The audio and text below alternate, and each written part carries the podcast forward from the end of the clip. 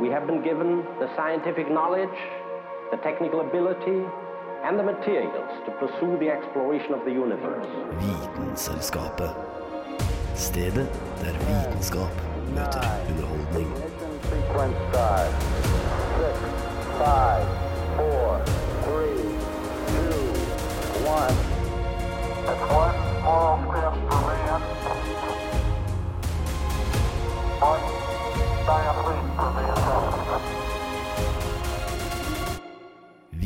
Vitenselskapet.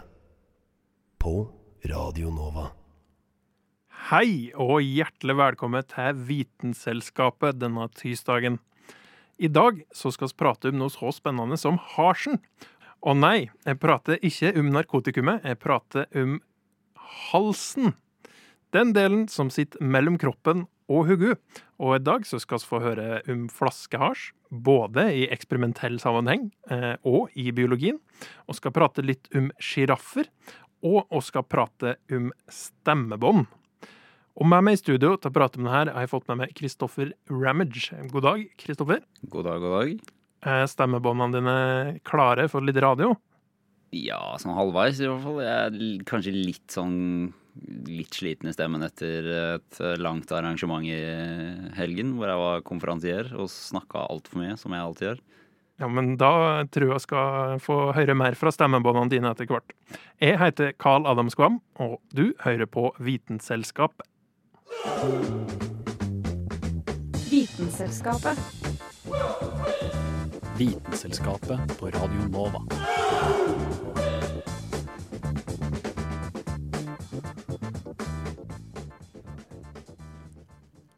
Og når oss prater om hasj, så er det jo ett dyr som utmerker seg veldig i den, den sammenhengen. Og eh, klarer du å gjette hva jeg tenker på, Kristoffer?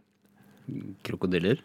Eh, De eh, utmerker seg ved å ikke ha noe hasj, det kan du jo si, men jeg tenkte noen som virkelig, virkelig slett her i hasjkategorien.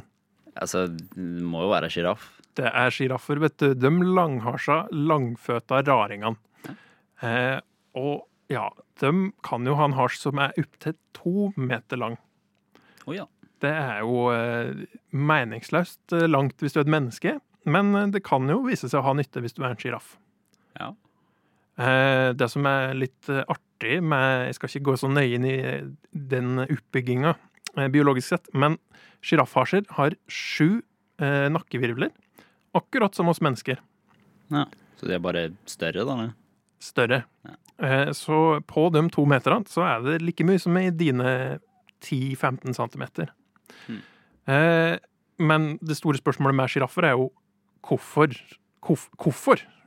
Hvorfor har du den utrolig lange, teite eh, Kanskje lov å eh, editorialize litt.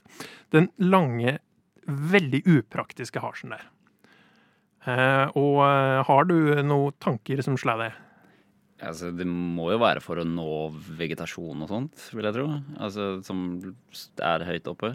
Eh, ja, det du tenker lurt nå. Det er like lurt som en Charles Darwin. Han hadde kanskje hørt om.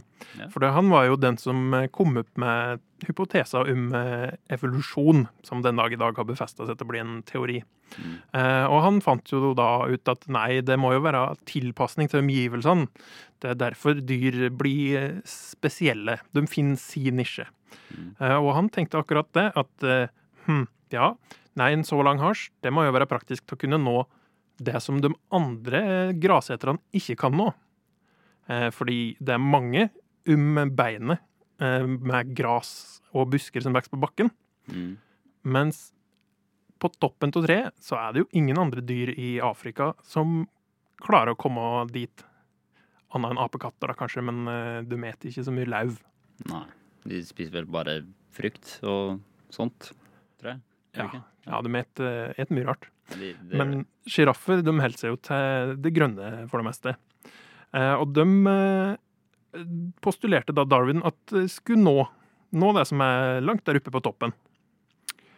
Eh, og så, når vi nærma oss årtusenskiftet, så var det noen som sa, fant ut at nja Og så har sett litt på disse sjiraffene, og det, det ser jo ikke ut som at de bare et fra toppen på trærne. mm.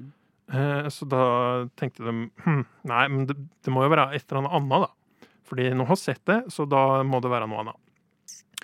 Eh, Og det som er litt artig med sjiraffer Sjiraffhanner, de bruker nakken sin til å slåss. Jeg har sett, jeg har sett det på sånn naturprogram og sånn. Ja, og til det der hjemme som ikke har sett det, det er, må du absolutt eh, slå opp. For det, de, i stedet da, for å være type bukker med gevir, som eh, strir imot hverandre og låser seg i geviret, så slynger de disse lange, rare hasjene sine inn i motstanderen sin hasj. Eh, og prøve da å bare smadre Smadre nakkevirvlene til den stakkars andre sjiraffen. Eh, og eh, på, på grunn av den praksisen her, da, så er mannlige sjiraffer skikkelig tjukke i hugget. De har en skalle som er veldig, veldig solid. Mer som toppen på en hammer, da. Eller han ene karen jeg bor med, Ja. Det er kanskje mer i overført betydning. kanskje. Kanskje. Nei, men så Du ser forskjell på um, mannlige Eller han og ho i sjiraffene. Eh, ikke bare er hannene tjukkere i hugu, men de er òg litt tjukkere bygd i harsen, da. Mm. Eh, og ja, da er det jo en form for sel seksuell seleksjon, tenker en da. Sånn som påfuglen, som eh, har de vakre fjærene, som egentlig ikke så mye med annet enn til pynt. Mm. Det har en funksjon fordi det bestemmer hvem som formerer seg og fører, fører slekta videre. Men det er jo ett lite problem med, med å eh, legge det på den delen eh, til å bare se, se på det som seksuell seleksjon, fordi damene har det jo òg. Mm. Og de driver jo ikke og krangler på samme måten, i hvert fall. Nei, ikke Nei. Ikke Så- som jeg har sett, i hvert fall. Nei, så da, da feller jo den uh, hypotesa der uh, litt, uh, litt i bakken, rett og slett. Et korthus som kollapser der. Så er det jo Det fins jo andre ting som kanskje en lang nakke kan ha nytte til. Speide etter rovdyr, for eksempel. På savanna, når du er på en stor, flat flekk, og du er redd for, ja, jeg vet ikke, løver, hyener alskens skumle ting. Hvis du da har tre-fire meter eh, høgde Mm. til å speide, Mm. så kan du jo kanskje være litt tidligere å se, og se denne fara, og så springe, da. Ja. Uh, en sjiraff springer vel kanskje litt pussig òg, med de store spinkle, spinkle føttene sine. Uh, og jeg tror eh, egentlig at eh, det er ikke så mange dyr som eh, våger seg på en sjiraff. For de er, de er ganske raffe. Ja, de, ja det, jeg hadde ikke kødda med en sjiraff. Men altså, jeg har sett løveflokker ta ned sjiraffer. fordi, altså, Løver er jo maskiner. Og de, de har til og med de, altså, Det er tilfeller hvor løver har gått på elefanter, blant annet, og tatt de. Så det, det er ganske sjukt. Ja, Så unntaksvis eh, så kan det jo være nyttig å ha en lang hasj for å speide. Mm. Eh, En annen ting som det kan tenkes nyttig til med en sånn lang hasj, det er å regulere kroppstemperatur. At du får mye mer overflate til å utveksle da varma di ut i lufta rundt. Mm. Sånn at du slipper å stå og svette der da, som en sjiraff på savanna. Det, ja, det, det gir jo ganske mening, for jeg vet at eh, Hva er det de heter? Sånn Nilfolk eller et eller annet. Eh, de er sykt høye og ganske tynne. Og der har det blitt liksom postulert ut teorier om at de er bygd sånn fordi det hjelper da, de å regulere varme. Så, så du har eh, en del befolkninger nede i Afrika hvor det er liksom svinevarmt. eh, Hvor de er sjukt mye høyere, gjennomsnittet eh, er sjukt mye høyere enn alle andre steder. eh, Og det er, det er hvorfor. Eh, Så det kan jo være noe i det. Men for å dra det tilbake til start, så i seinere tid så har det jo vist seg at jo, de, de sjiraffene eter jo det som er på toppen av treet. Mm. Så det kan hende Darwin hadde rett. Men det som er, er jo at det er ingenting her i verden som er enkelt. Det er alltid komplekst og innvikla. Så det er antageligvis alle de tingene her som har gjort at uh, gjennom evolusjonen så har det vært mm, så fint for sjiraffer å ha lang hasj. Så derfor så har oss den parodiske skapninga som oss har den dag i dag. I mean, the natural world is just fun. Du hører på Vitenselskapet på Radio Nova. What more do you want?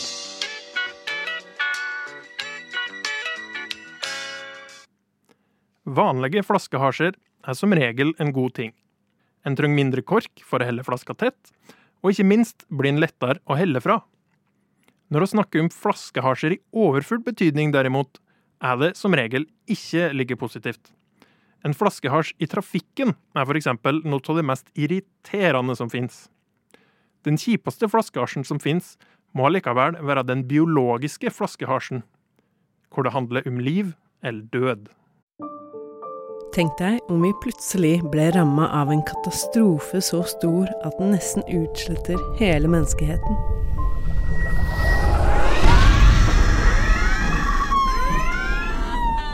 De få som overlever, er nødt til å finne en ny måte å leve på.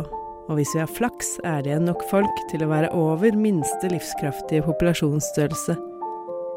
Minste livskraftige populasjonsstørrelse er en slags terskel. Det betyr at hvis de over et visst antall kan de overlevende sakte, men sikkert bygge opp nye samfunn og øke antallet mennesker til de er på et nivå hvor de ikke lenger er utrydningstrua. Hvis de er færre, vil menneskerasen dø ut. Hendelser som truer en art på denne måten, kalles flaskehalshendelser, eller biologisk flaskehals. Fordi selv om arten overlever, vil den genetiske sammensetningen i befolkningen være endra for alltid. Det genetiske materialet til individene som dør, vil være tapt, mens genene til de som overlever, føres videre. Noen ganger kan det være ganske tilfeldig hvilke gener som overlever. Det kan jo hende at de som ikke døde, bare var på rett sted til rett tid. Andre ganger kan de som overlever, ha gener som ga dem et fortrinn, f.eks. For motstandsdyktighet mot en grusom sykdom. I dagens europeiske befolkning er det f.eks. en høyere forekomst av et gen som gjør oss mindre utsatt for byllepest, fordi mange stammer fra forfedre som overlevde svartedauden. Når en art blir utsatt for en biologisk flaskehals, forsvinner mye av artens genetiske mangfold som gjør at hele arten blir mer sårbar mot ulike typer sykdommer og andre ting. Noen ganger blir det rett og slett innavl. Ikke spesielt bra, med andre ord.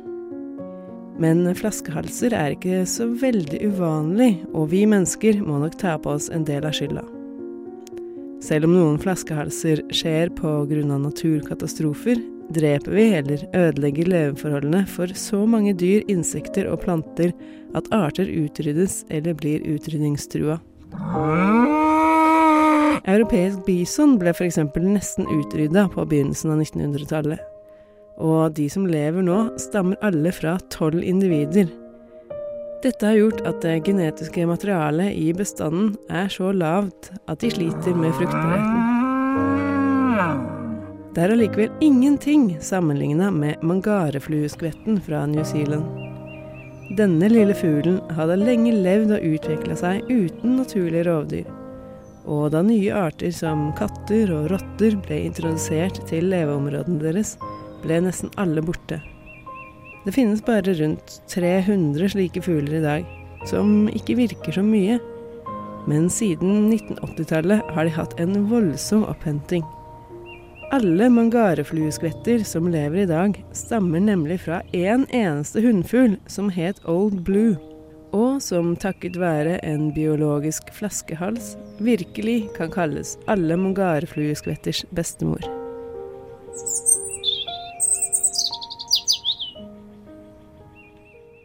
Oss mennesker skaper òg en flaskehalseffekt når oss avler fram visse arter på bekostning av det genetiske mangfoldet. Slik selektiv avl har f.eks. gjort at mange hunderaser sliter med medfødte sykdommer og genfeil. Hun som laga denne saken, heter Kristin Grydland. Tæla i taket med Vitenselskapet.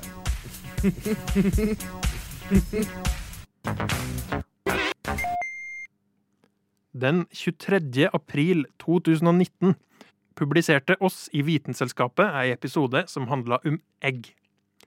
I den forbindelse gjorde Anna et eksperiment med egg, og det gikk så som så. Hun har siden den gang drømt om å få gjøre det en gang til. Etter mye masing fra bergenseren vår fikk hun endelig lov å prøve på nytt. Jeg skal nå gjøre et eh, lite eksperiment med da et eh, kokt egg. Og det kokte egget skal jeg da prøve å få nedi en flaske. Og måten jeg skal få dette egget ned i flasken, det er da først ved å tenne på noe papir eller et eller annet eh, brennbart ned i flasken. Og det som vil skje, er da at luften inni denne flasken vil varmes opp, og da også utvide seg. Og den vil også bli dyttet ut av glasset. Denne, når luften avkjøles, så vil den også da eh, ta mindre plass i flasken. Og da kan egget trekke seg inn i flasken ved hjelp av overtrykket eh, utenfor egget. Jeg har altså prøvd dette eksperimentet før. Eh, jeg fant ut at det var for ca. tre år siden. Eh, og da gikk det eh, absolutt ikke bra i det hele tatt. Vi kan jo høre på det. Nå begynner jeg faktisk å bli litt sur. Det er fortsatt ingenting som skjer her med dette egget. OK, vi prøver en gang til. OK, da prøver vi på nytt. Og jeg har da tenkt på dette eksperimentet i da disse tre årene.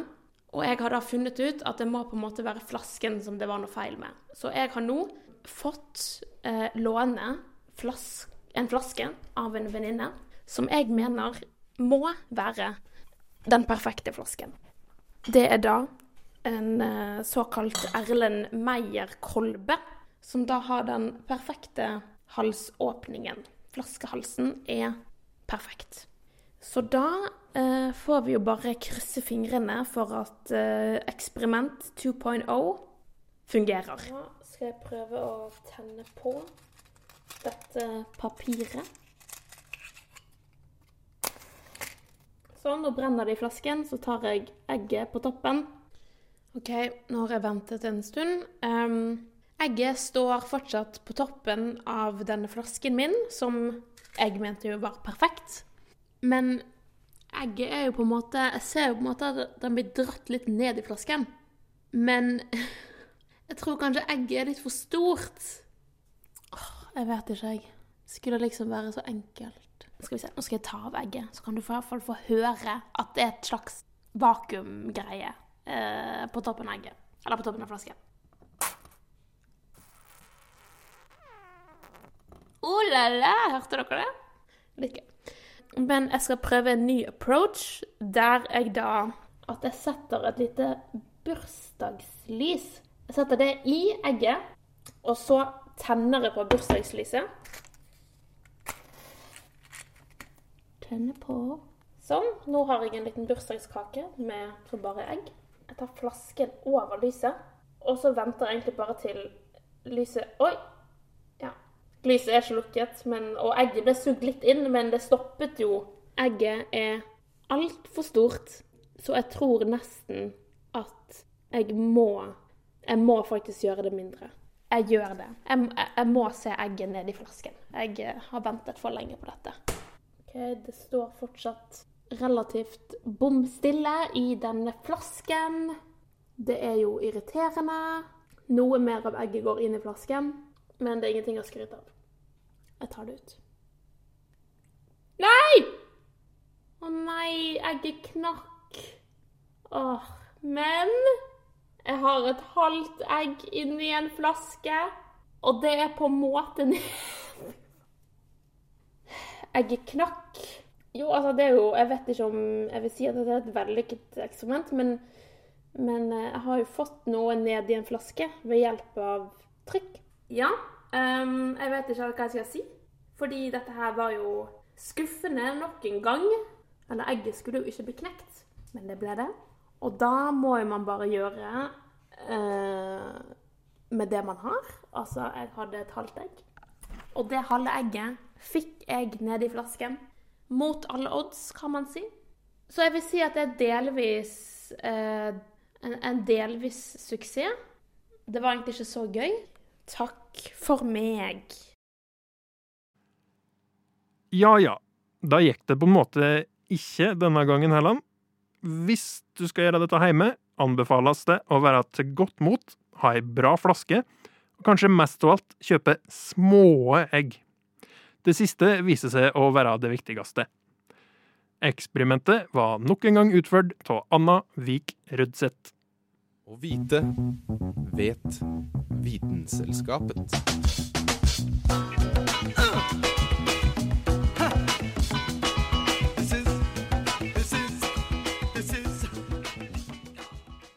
Nå skal vi over på det som er sjølve perla i harsen, i hvert fall for en eh, ivrig radiolytter, nemlig stemmebåndene. Den delen av harsen som gjør at du hører med inn i ørene dine akkurat nå. Og Kristoffer, du har jo stemmebånd. Eh, ja, jeg tror Og det. du veit kanskje noe mer eh, om dem òg? Ja, litt, i hvert fall. Jeg vet ikke. Altså, ja. Jeg har uh, lest meg litt opp uh, på det. Jeg kunne noen ting fra før av. Uh, men, men ja. Men jeg har sett noen bilder av stemmebånd, og de ser veldig annerledes ut enn hva man kanskje tenker seg. Fordi altså, jeg, som sikkert mange, har sikkert sett for seg at det er to bånd som på en måte vibrerer, og så videre, og så videre. Og det er sånn stemmen vår funker. Eh, Nei. eh, Det er to eh, nærmere hudfolder som ligger inni halsen, eh, som type åpner og lukker seg. Og de ser helt jævlig ut, for å være ærlig. Det bildet av de ser ut som noe fra en skrekkfilm. Sånn alien-vibber? ja, litt. Litt. Og ja, altså det er, det, er, det er sånn det er, da. Det, jeg vet ikke. Ting inn, på innsiden av kroppen ser litt nasty ut. Uh, men som sagt, det, altså sånn basically stemmebånd funker, er at ved normal, altså alminnelig respirasjon, altså når du puster vanlig, så er de åpne. Så den stemmespalten, eller glotisen, eller sånn, da, den åpningen mellom de stemmebåndene, hvis du skal kalle det, eh, de er da slappe, så det er åpent. Og luft går lett inn og ut. Um, Som jo er en fordel hvis den skal holde seg i live. jeg syns det. Uh, men når vi snakker, så typ blir de skvist sammen. Uh, og jo tightere de blir skvist sammen, jo høyere blir tonen. Uh, Ja, som i lys her. ja. Så hvis de gjør sånn her, så er strømmebåndene stramme. Ja, litt. Og, og så er det også sånn jo mer luft du skviser gjennom stemmebåndet også, jo høyere blir stemmen. Eh, så når du roper, så drar du veldig mye luft ut gjennom stemmebåndet. Eh, men så er det også litt forskjell da, mellom barn, kvinner og menn. Eh, som man kanskje hører også på stemmene våre. Så når vi er barn, altså når vi er ett år, så er det vel rundt 5,5 millimeter størrelse på stemmebåndet, som er veldig lite. Eh, men eh, i puberteten så vil det da for menn eh, skje en liten forandring, hvorpå de blir ikke bare lengre, men også litt tykkere. Og den forandringen skjer veldig brått, egentlig, som er litt hvorfor du plutselig får de breaksa i stemmen. Og ja, det høres ikke så veldig fint ut. Så du, du er liksom i det man kaller stemmeskifte. Og det er nettopp lengden og tykkelsen på stemmebåndene som til syvende og sist er det som gjør at vi menn får litt dypere stemme, da. Sånn litt mer bass. Eh, og eh, det er også sånn at kvinner kan utvikle en dyp stemme, men da er det gjerne noe hormonelle feil som er årsaken til det. Eh, og det er kanskje ikke så bra. Så, så eh, etter hvert eh, så er det også sånn at stemmen vår blir gjerne forandra også når vi blir eldre. Eh, så den blir kanskje litt grovere, litt mer grusete. Det, for å bli countrysanger så burde du jo helst ha bikka 60. For Ja. da er stemma sånn god og grov korna. ja, typ. Så, men ja, og så er det jo Det er en, en liten sånn fun fact også om stemmebånd, er eh, en av de mest liksom basic lydene vi kan lage, er hvis du tar en forlenga sett. Så hvis du tar på halsen din, og så kjenner du, og så sier du en så sånn, så kjenner du det vibrerer ikke i det hele tatt. Hvis du sier Zzz.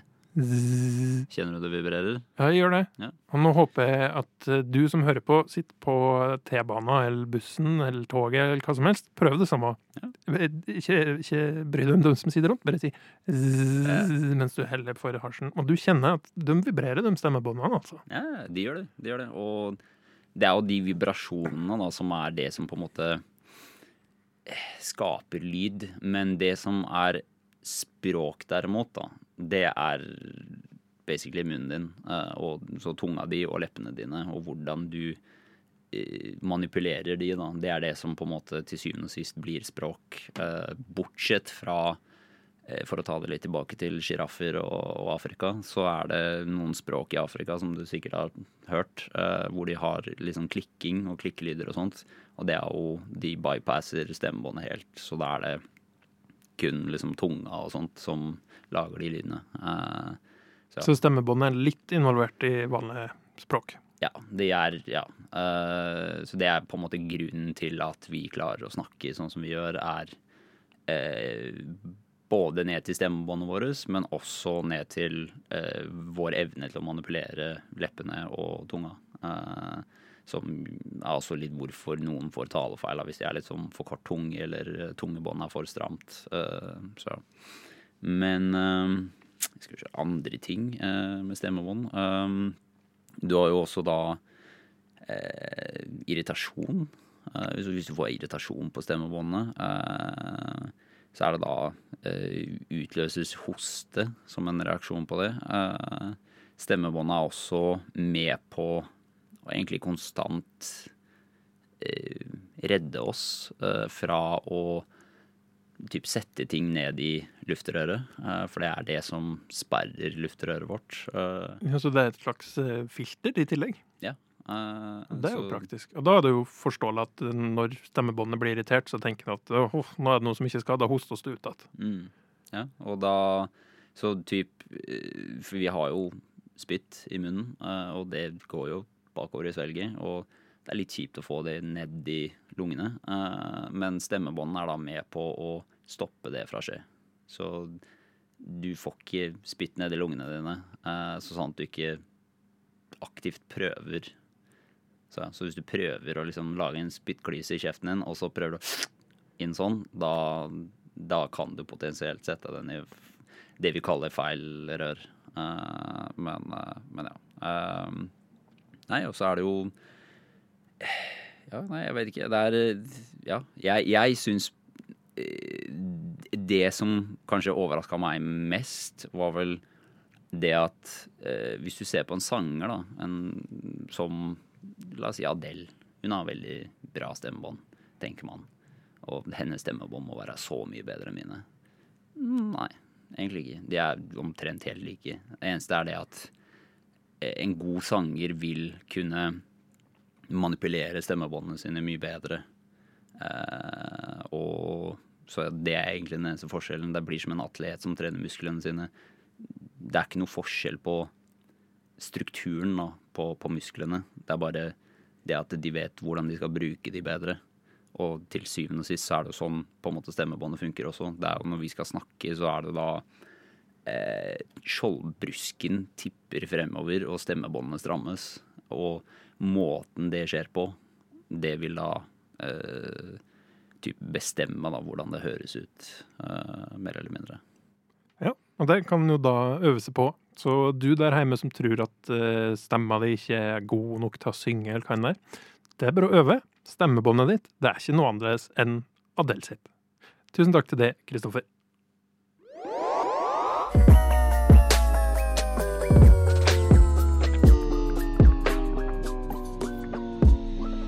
Vitenselskapet. Da var oss kommet til enden av dagens sending, som har handla om hasj. Eh, Tusen takk til det der hjemme eller ute som hørte på. Eh, Du kan eh, høre Vitenselskapet på radio hver tirsdag klokka ti på Radio Nova. Du kan selvsagt òg høre oss som podkast, hvor enn det er på internett du pleier å finne podkastene dine. Du finner oss også på Instagram, der det dukker fram en artig snutt eller to en gang iblant. Tusen takk til Kristoffer Ramage, som var med meg i studio. Takk. Jeg heter Carl Adams Kvam, og oss høres neste gang.